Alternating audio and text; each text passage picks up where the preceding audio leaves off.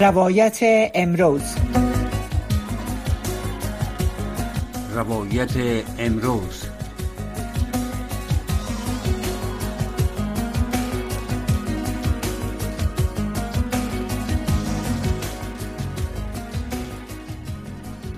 شنونده های گرامی سلام و برنامه روایت امروز از رادیو آشنا صدای امریکا خوش آمدین. آرزو دارم هر جو هستین ساعت و سلامت باشین. برنامه ها را بشنوین.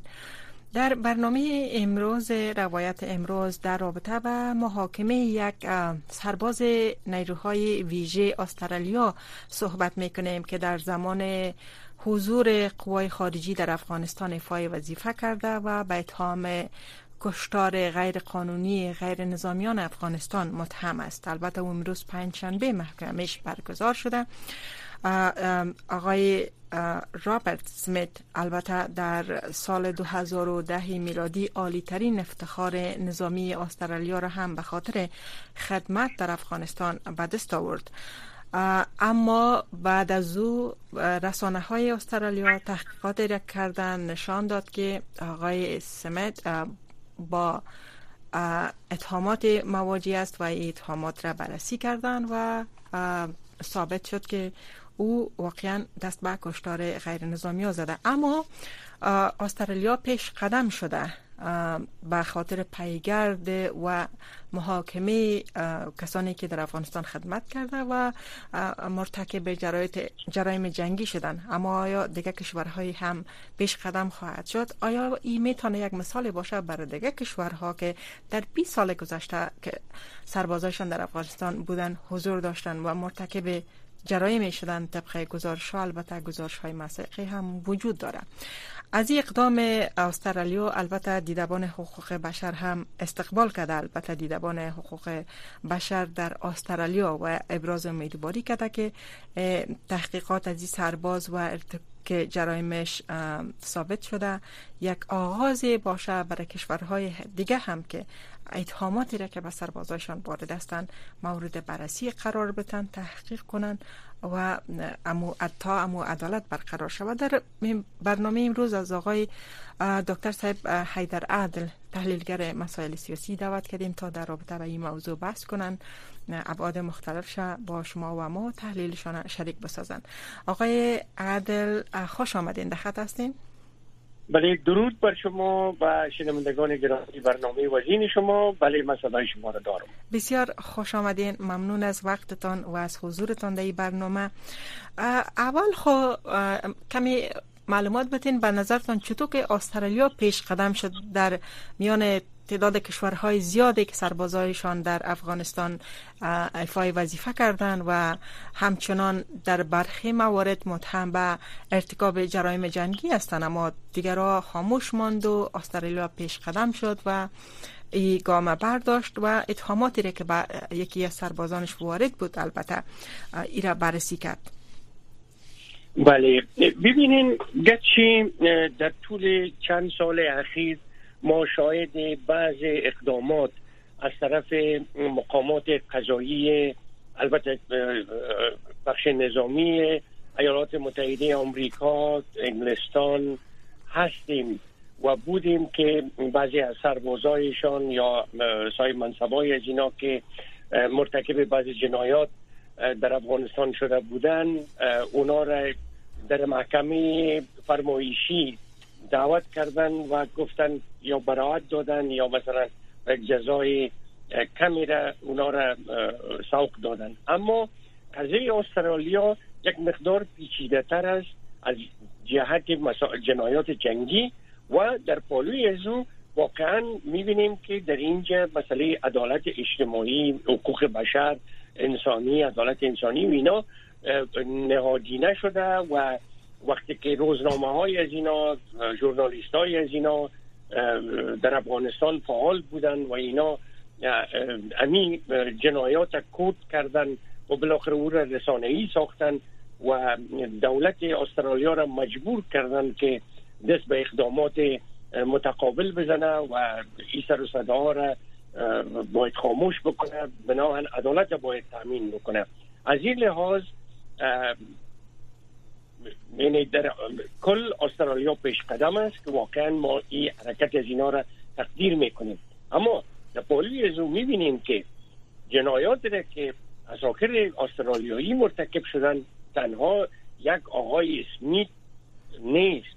یعنی متهم امی لحظه حدود 25 سربازی از اینا هست که در طول زمان وظایفشان در افغانستان اینا جنایات مرتکب شدن که این جنایات وقتی که فهرست کردن یعنی در حدود چل قضیه هست چل دوسیه هست چل حادثه هست که البته قضات دولت آمریکا ببخشید دولت استرالیا میگه که ممکن بعد از بررسی های نهایی ای از چل پایان بیاید اما این خود از یک رقم بسیار درشت است چل قضیه و 25 سرباز متهم به جنایات جنگی هستند. به طور نمونه چون این آقای اسمیت خودش به اصطلاح دعوی حقوقی کرده بود و روزنامه ها را متهم کرده بود که علیه ازی گویا شهادت ناحق دادن. اما امروز اول جون محکمه عالی نظامی حقوقی سیدنی پایتخت استرالیا ادعای آقای اسمیت رد کرد. و اتهامی که بالای وارد شده بود او را معجز ساخت و گفت که این روزنامه ها و ژورنالیست هایی که کود کرده بودن این جنایات و اتهام وارد کرده بودن علیه ازی این واقعیت داره. بنابراین این متهم شناختن و گفتن که در ارتباط با متواقی سربازا هم ما این مسئله را پیگیری می‌کنیم. بسیار زیاد تشکر و استرالیا یک کاری که شما هم استقبال کردین و دیدبان حقوق بشر مستقر در استرالیا هم ابراز امیدواری کرده که دیگه کشورها هم از یک مثال بگیرن و, و امی وادار کنه دیگه کشورها رو هم که در رابطه به جرایمی که سربازانشان در افغانستان مرتکب شده تحقیق کنند. شما فکر می‌کنین یک مثال بر دیگه کشورها باشه؟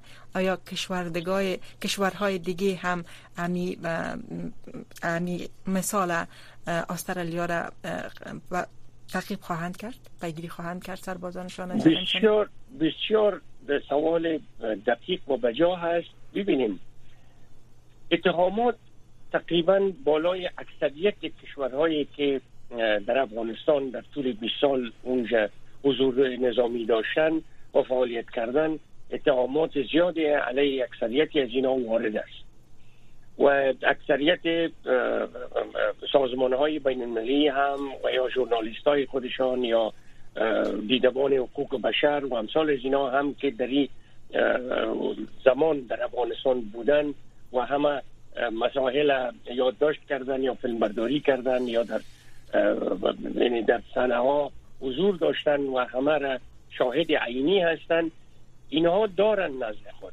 اما متاسفانه کشورها در برابر این عمل کرده ها خاموش است و این جنایات تقریبا در برابرش چشم پوشانده. من امیدوار هستم که این حرکت نمادینی را که دولت استرالیا در ارتباط به این جنایات جنگی برداشت و اولین اقدام انجام داد و سرباز خود محکمه کرد در حالی که او بلندترین مدال نظامی به نام صلیب ویکتوریا را در سال 2010 از خود ساخت و به این به نام بهترین سرباز مفتخر ساختن اما بازم مدالش هم ازش گرفتن و بالاخره محکوم شد به زندان و ثابت شد که این جنایت انجام داده. از این لحاظ من مطمئن هستم که اگر کشورهای دیگه در جهان که در افغانستان سرباز داشتن و در سربازهای از اینا جنایات جنگی مرتکب شدن مجبور هستند که دست به این عمل بزنن و تقلید بکنن در استرالیا. اگر نکنن مطمئنن که در نزد جامعه جهانی در, در نزد مردم افغانستان در نزد سازمان های بین المللی مثل حقوق بشر و همسال از اینا اینا محکوم میشن. امروز نه فردا حتما همه که سر و صداها را روزنامه ها در استرالیا بلند کردن و مطمئن هستم که همه روزنامه ها همه ژورنالیست های با شهامت در سر جهان پیدا خواهد شد که صدا بلند بکنن و یک تعداد از اساکر و یا صاحب منصبای اینا را که جنایت جنگی مرتکب شدن بلند بکنن. اگر نکنن اینا در نزد تمام مردم افغانستان محکوم هستند و هیچ کسی اینا را نمیبخشه. تشکر و البته جنایات در افغانستان چون این قضیه هم مربوط به افغانستان است. جنایات بشری جنایات جنگی قتل های فراقانونی در افغانستان یک مسئله تازه نیست. تنها خارجی ها مرتکب از نشدن. خود افغان ها هم در حداقل 40 45 سال گذشته بسیار زیاد موارد را متهم هستند یا قضایای را جنایاتی را مرتکب شدن که خیلی نابخشودنی است. اگر به متازه ترین تاریخ بر بگردیم از سال 19 حداقل 78 به این طرف جنایات بسیار هولناکی در افغانستان رخ داده. که در هیچ دوره از حکومت های افغانستان در هیچ رژیم پیگیری نشد. مثلا جنایاتی که پیش از رژیم جمهوریت در افغانستان رخ داد مثلا زندانی های پلچرخی که کشته می شدن در پلیگو نیگپا چرا از سوی دولت 20 سال گذشته رژیم جمهوریت پیگیری نشد؟ چرا این قضایا را هیچ وقت کس یاد نکرد کس اگرچه لیست یک تعداد زیاد قربانی ها هم که حدود اگر اشتباه نکنم پنج هزار بود که از یکی از نهادها نشر شد. اما هیچ وقتی مسئله پیگیری از اینا مورد بحث نبوده. چرا؟ دلیل چی بوده؟ بله. ببینین بسیار سوالتان بجا هست دقیق است واقعا از زمانی که در افغانستان جنگ آغاز شد الا امروز که بیشتر از چهار ده هست همونطوری که شما بیان کردن بسیار افراد اشخاص هستند و بودن که جنایات جنگی را مرتکب شدن. زود جنایات حقوقی و بشری را مرتکب شدن. به ده و هزارها انسان بدون محکمه بدون جرم به زندان ها بردن و اونا رو به ها سپردن و از بین بردن. اما طوری که شما شاهد هستین و مردم افغانستان شاهد هستن در زمان دور مجاهدین قماندان های از اینا زمانی که بین خود جنگایی را آغاز کردن یعنی به اصطلاح جنگای خانگی آغاز شد. مثلا مردم کابل به خصوص شاهد هستند که در راکت پراگنی های گلبودین حکمتیار بیشتر از افتاد هزار باشنده شهر کابل کشته شدن از بین رفتن. ای که چقدر آواره شد و در بدر شد و مهاجر شد از ایش صرف نظر می‌کنیم. این کسایی که گویا کشته شدن و ناخر از بین رفتن همینطور در دوران طالبا اگر ببینیم چقدر انسان ها دور اول از اینا کشته شد. به تقیب از او وقتی که در 20 سال اخیر ما محاسبه می‌کنیم یا طالبان یا گروه های دیگه که علیه دولت می جنگیدن اینا واقعا جنایات جنگی را مرتکب شدن. جنایات دیگه و بشری را مرتکب شدن که بناحق به خاطر انتقام گیری از دولت. اما افراد ملکی را اینا آماج قرار می‌دادن. در اکثریت ولایات افغانستان اگر شما دیده باشین ارقام افراد ملکی که شامل زن مرد طفل پیر و جوان هست و هزارها می‌رسه مسئله نظامی را یک طرف می‌گذاریم. مثلا آخرین گزارش هایی آقای عدل ببخشید من صحبت تانم قطع کردم. به نظرتان بله. چرا رژیم های افغانستان حداقل امی قضیه را هیچ وقت یادی نکردن؟ چرا مثلا در رژیم جمهوریت خودش یک رژیم دموکراتیک بود این قضیه قضایا بسیار زیاد برش دادخواهی هم شد. حتی لیست کسانی که قبل از رژیم جمهوریت کشته شده کشته شدن یا زندانی شدن اینا برآمد. نشر شد. شد اما هیچ یادی نشد. یعنی سوال ما است که آیا رژیم مثلا رژیم جمهوریت اگر بگیریم آیا اینا در افغانستان توانایی به محاکمه کشاندن و معرفی ناقضین حقوق بشر و جنایتکاران جنگی را نداشتن یا که با قضیه با مصلحت برخورد کردن؟ کدام یک؟ بله. ببینین اینجا دو مطلب دو مشکل در, برابر این نظام ها وجود داشته. مشکل اولی است که افرادی که جنایات جنگی را انجام دادن یا مرتکب شدن که در لستا بودن نامهایشان ثابت بوده حتی بعضی از مقام ها و ارگان های بسیار بلندپایی دولتی گفتن که ما این لست داریم مثل وزیر داخلی وقت دوران آقای کرزی و بعضی کسای دیگه در, در پارلمان افغانستان از این مسئله یادآوری کردن گفتن لستا ترتیب شده. اما کسی جرحت نکرد که این لست علنی بسازن افشا بکنن و چی رسد به این رو به محکمه بکشن. دلیل اولی ای بود که اینها مصروف جنگ های داخلی بودن که مجال عزیز نیافتن که برسن به این مسئله قضایی. موضوع دوم اونهایی که مستقیما دست به این جنایات زدن و مرتکب جنایات شده بودن اینا خودشون در رأس قدرت قرار داشتن. بلندترین مقام های دولتی را اینا اشغال کرده بودن. پس اون دولت را که ما بگوییم که اینها را به محکمه بکشانن اصلا خود از اینا دولت بودن.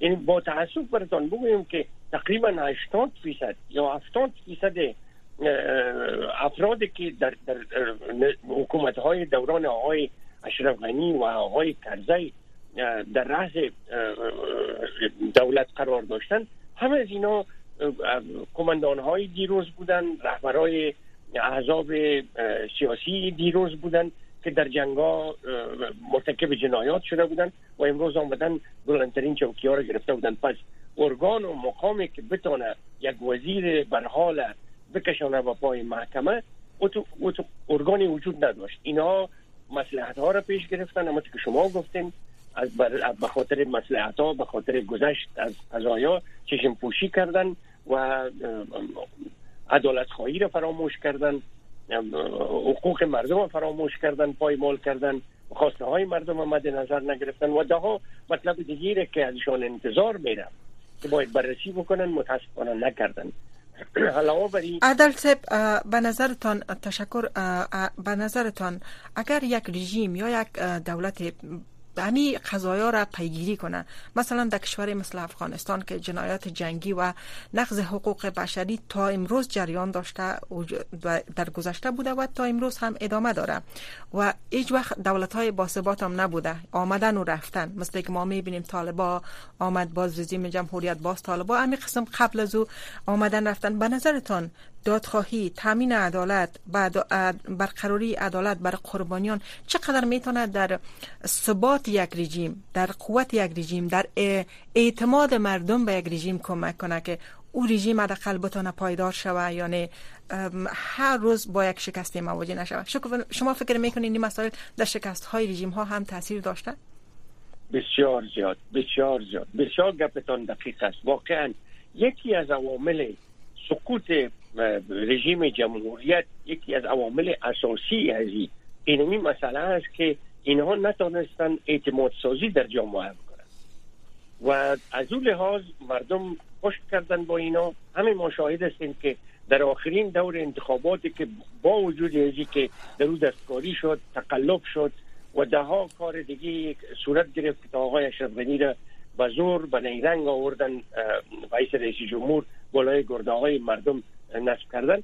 کمتر از یک میلیون انسان که واجد شرایط در حدود 16 میلیون اعلان کرده بودند که واجد شرایط هستن برای انتخابات. اما کمتر از یک میلیون انسان سهم گرفت.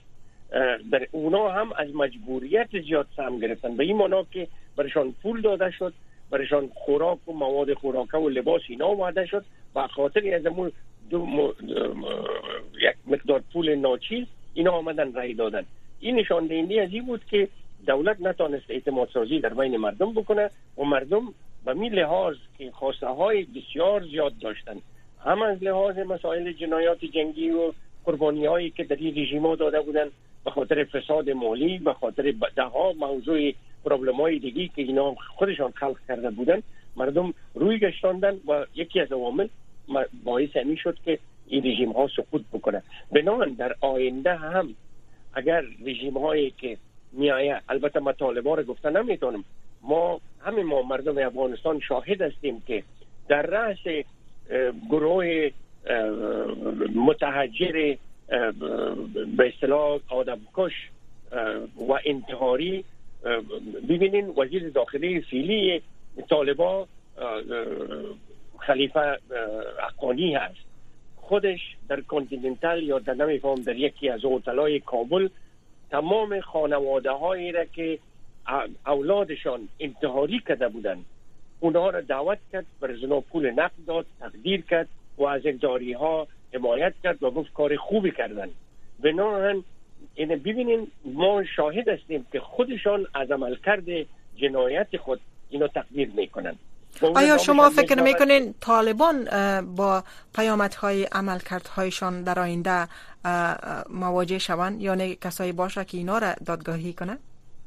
من امیدوار هستم که هم مردم افغانستان اگر فردا روز می‌تونن سرنوشتشان خودشان تعیین بکنن یک رژیم عدالت یک رژیم واقعی یک رژیم مردمی را انتخاب بکنن و بیارن او را به سر قدرت من مطمئن هستم که هر رژیم انسانی هر رژیم که از بین مردم به پا خواسته باشه و به قدرت برسه واضح هست که نه تنها طالبا را اینمی چهار ده حوادثی که در افغانستان آمد و به ناحق مردم کشته شدن همه از اینا را به پای میز محکمه باید بکشانن و اینا را محکمه بکنن و عدالت تامین بکنن. اگر اینا نکنن ما از جامعه جهانی می‌خواهیم که باید عدالت تامین بکنن اینهایی که مرتکب جنایات جنگی شدن و انسانهای بیگناه را کشتن اینا را باید به میز محکمه بکشانن و به جزای اعمالشان عدل تشکر و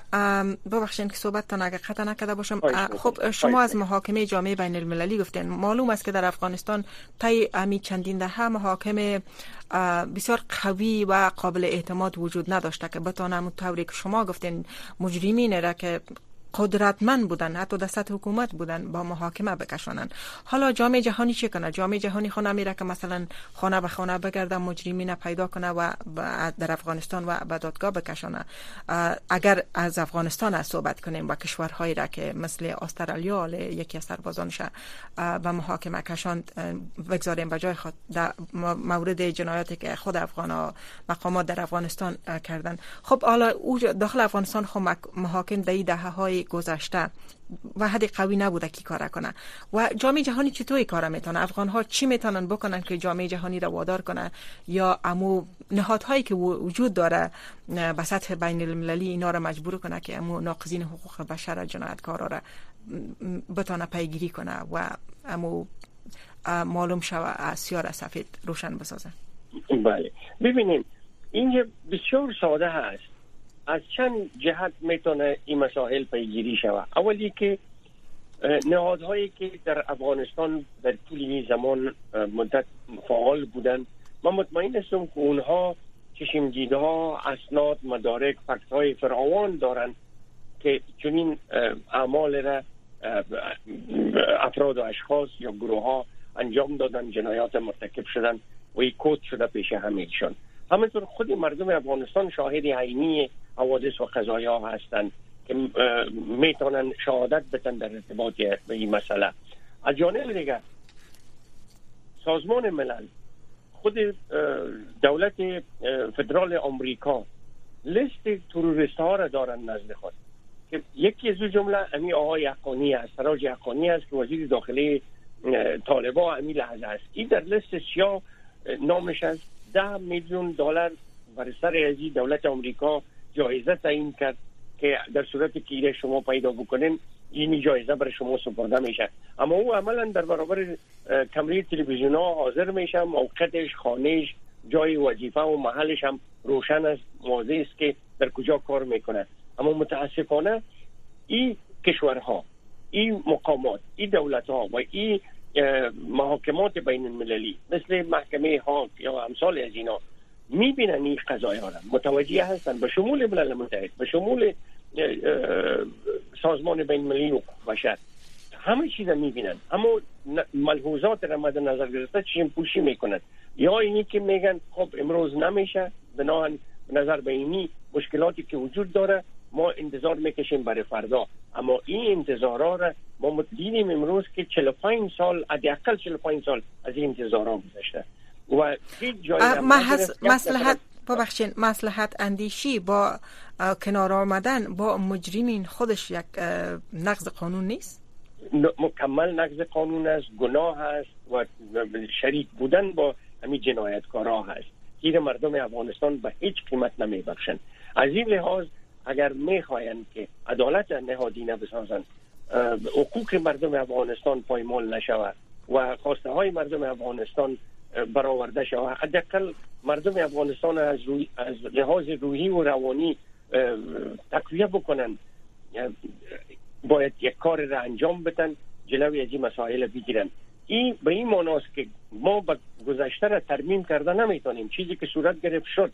اما این عمل کرده اگر به شکل واقعیش صورت بگیره من مطمئن هستم که گروه ها و افراد اشخاصی که در آینده در برابر مردم نه تنها در افغانستان بلکه در سراسر دنیا زمانی که در ایتو مسائل قرار می‌گیرن جنگای اتفاق میفته خانه جنگی ها میشه یا بین مملکت ها میشه یا به هر سطح سویه صورت می‌گیره. اونها دیگه جرأت نمی‌کنن که دست به اعمال جنایتکارانه بزنن و جنایات جنگی مرتکب شوند. اما اگر در افغانستان چشم پوشی شود در عراق چشم پوشی شود در سوریه چشم پوشی شود و در ده کشور دیگه جهان که امروز جنگای خانمانسوز جریان دارد. از هر کدام از این آقا ما چشم پوشی بکنیم با این معناست که نه عدالت تامین است نه حقوق هست نه حقوق بشری هست نه جامعه جهانی هست و واضح است که همه عسکرم جرات می‌گیره به کشتن بیگناه ها. صاحب منصبش هم و کشورها هم جرات می‌گیرن میگن بازخواست وجود نداره. بنابراین ما چی که دل ما می‌خوایم می‌کنیم. پس ما امی کار را که دولت استرالیا کرد این من یک نمونه باید قرار بدیم و از یمی ما باید استفاده بکنیم. پند بگیریم. امیر وعیس یک الگو در سراسر دنیا و شمول افغانستان باید عملی بکنیم. آقای عدل تنها یک دقیقه کمتر مانده. خود فقط یک سوال کوتاه اگر بگوین. خود قربانیان قربانیان امی جنایات هم کدام راهی دارند که چون این جنایات فراموش میشه. کسانی که جنایت هم می‌کنن و کسانی که دیگه هم که شاهدش می باشن بسیار انسان ها همی عادت دارن که زود فراموش می‌کنن. اما خود قربانیان چی کرده می‌تونند اینجا؟ اگر کوتاه بگوین چون وقت خیلی کم است. بله. یک راه وجود داره. یعنی خانواده های اینا می‌تونن به مراجع مربوطه که در هر کشور اینا نمایندگی دارن. مثل سازمان حقوق بشر مثل ده ها سازمان های بین حقوقی که وجود داره برای اینا شکایت بکنن نامه های رسمی بسپرن از طریق وکلای اگر امکانات دارن از طریق وکیلای خود اقدام بکنن و به اصطلاح وادار بسازن این منابع بین المللی سازمان های بین المللی که حقوق از اینا را باید تامین بکنن. و این کسای جنایتکارا را به محکمه بکشانن بسیار زیاد بسیار زیاد تشکر از شما محترم دکتر صاحب. حیدر عدل از تحلیلتان از وقتتان که تا حال با ما بودین. برنامه روایت امروز البته آخرین لحظاتش از به پایان می‌رسه. و از شنونده های عزیز هم سپاسگزار هستیم که برنامه را دیدن و شنیدن. برنامه دوم صدای شماست. منتظر زنگتان هستیم. زنگ بزنین و برنامه صدای شما نظریات سوالات و تبصره هایتان با ما و مسئولین شریک بسازین.